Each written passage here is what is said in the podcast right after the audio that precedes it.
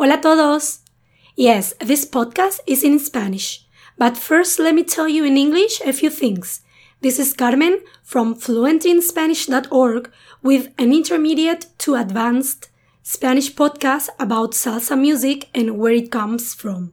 You can find a transcript, translation, vocabulary words, and some useful phrases and idioms on my website at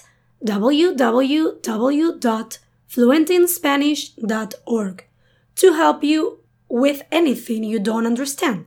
It's really useful for anyone who finds the Spanish a bit hard because they can follow along as they listen. Aunque no vivas en un país de habla hispana, probablemente has escuchado alguna salsa a lo largo de tu vida.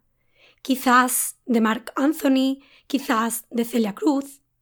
La salsa es considerada un género musical que se ha ido popularizando entre los países de habla hispana, desde luego, pero también se ha ido exportando al resto de países del mundo. Lo que tal vez no sabes es la lección de vida tan bonita que unos esclavos africanos que vivieron en los siglos XVI y XVII dejaron para siempre oculta en la percusión de estas canciones.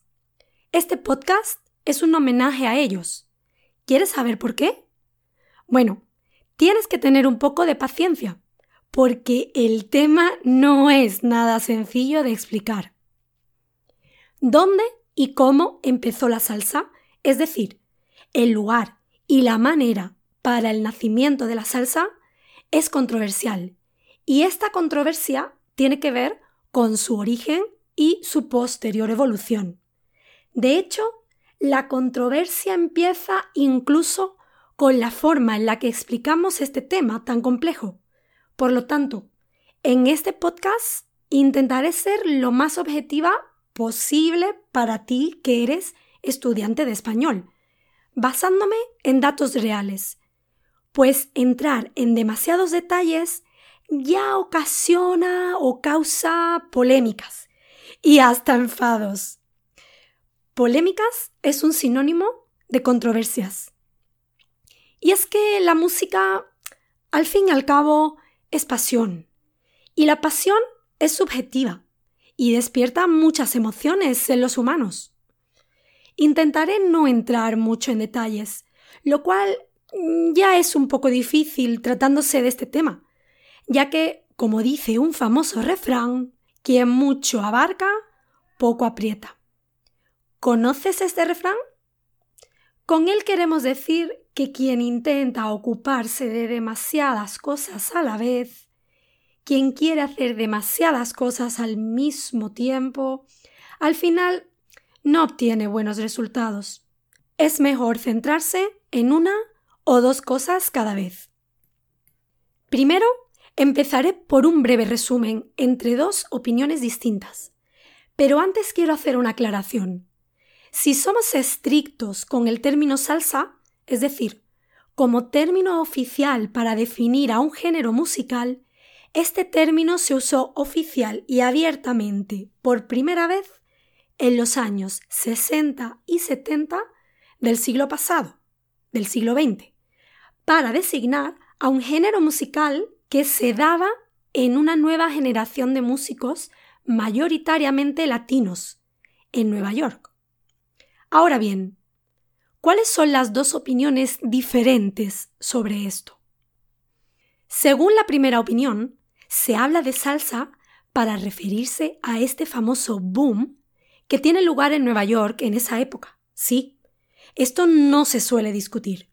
Sin embargo, para ellos, este género no era nuevo, puesto que dicen que la base de este ritmo es el son cubano. Podríamos decir que para ellos la salsa es un son cubano que, como todo en la vida, evolucionó. Se transformó al mezclarse con otros ritmos, formando así lo que después se llamó oficialmente en Nueva York salsa. Estas personas defienden la nacionalidad cubana de la salsa, ya que para ellos no hay una diferencia tan grande como para que sean dos géneros distintos. En el otro lado, tenemos la otra postura o visión, la de las personas para las que el género musical salsa nació exclusivamente cuando oficialmente se empezó a usar en Nueva York allá por los años 60-70. Y nada de lo que existió antes debería llamarse salsa. De esta manera, para ellos es un nuevo género que surgió o nació como fusión entre los diferentes géneros musicales que influenciaron a los músicos, mayoritariamente puertorriqueños, criados en Nueva York o ya nacidos en Nueva York de padres puertorriqueños, los llamados New Yorkers. Para ellos, pues, lo que existía antes de la llamada salsa era lo suficientemente distinto como para no ser la misma cosa, y es por ello que esta nueva mezcla o fusión recibió un nuevo nombre. Es decir, para los primeros, la salsa es cubana, porque es simplemente son cubano mezclado con otros ritmos, sí, pero su base ya existía en el son. Salsa y son no pueden ser cosas tan diferentes. Simplemente lo que nació en Nueva York es un estilo distinto, aunque dentro de un mismo género musical. Y para los segundos, el son cubano es solo la raíz de la salsa no identifican la salsa como algo cubano, sino más bien como algo New Yorkican. Entrar a valorar quién tiene razón es complicado y pienso que además no vale de nada. No valer de nada es una expresión típica del español que es igual que decir que no sirve para nada o que es una pérdida de tiempo. Por esto yo simplemente empezaré por el principio y terminaré por el final. Y cada uno que elija la opinión y el estilo que prefiera. ¿O no? Tal vez no hay que elegir nada. Tal vez podemos quedarnos con todos los estilos, ya que al ser humano no siempre le apetece lo mismo y posiblemente cada estilo tiene su momento para ser disfrutado, escuchándolo y o bailándolo. Sea cual sea la opinión, hay una realidad histórica que es real y gracias a la cual existe esta música a día de hoy. Así que voy a contártela a continuación. Durante la colonización americana por parte de los españoles, los españoles comenzaron a llevar esclavos africanos en el siglo XVI a las islas del Caribe, Cuba, Puerto Rico y República Dominicana. Es bien sabido la importancia que la música cantada y bailada ha tenido en muchas tribus africanas a través de los siglos, en especial la percusión. Estos esclavos continuaron con sus cánticos y ritmos en Cuba, y es durante la época de la abolición de la esclavitud y la posterior independencia de Cuba con respecto a España cuando, de una manera más libre, ritmos africanos como el guaguancó se pudieron escuchar por toda la isla. La música es algo vivo que surge del corazón y por tanto es difícil ponerle fechas a cuándo se mezcló con este u otro tipo de música, o quién lo hizo, o cómo exactamente ocurrió, o a qué hora y en qué ciudad o pueblo. No hay documentos donde se pueda comprobar todo. Sin embargo, se dice que el son cubano es una mezcla de ese guaguancó africano y los sonidos musicales que los españoles llevaron a Cuba.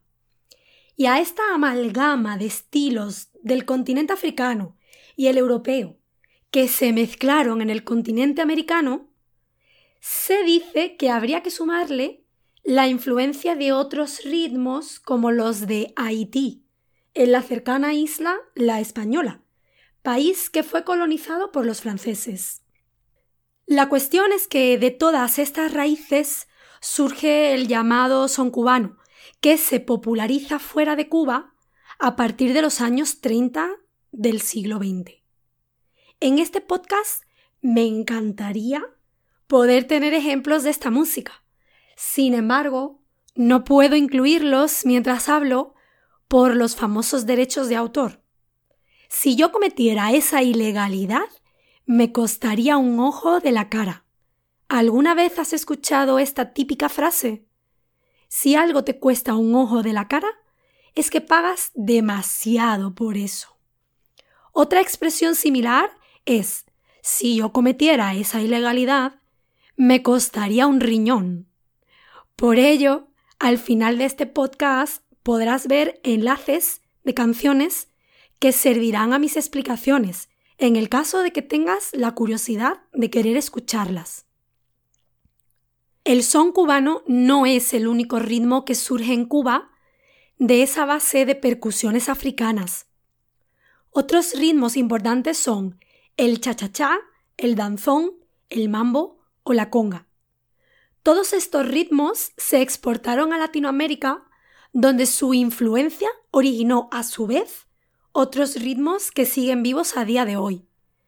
Pero también se exportaron a España, donde personas como mi padre compraban estos discos y donde muchos años más tarde, cuando yo era niña, los escuchaba en el salón de nuestra casa, en nuestro tocadiscos para discos de vinilo. Y claro, igualmente se exportaron a Estados Unidos, donde la población latina crecía, y de entre todas las ciudades hubo una en especial donde se popularizaron, la ciudad de Nueva York. ¿Quieres saber qué pasó allí en esa época? Te lo cuento todo en la segunda parte de este podcast. Remember to take a look to the transcript, translation, vocabulary, and useful phrases for this podcast on my website www.fluentinspanish.org. And remember, the second part of this podcast is also waiting for you right there, along with articles and videos to help you get fluent in Spanish too. Hasta pronto!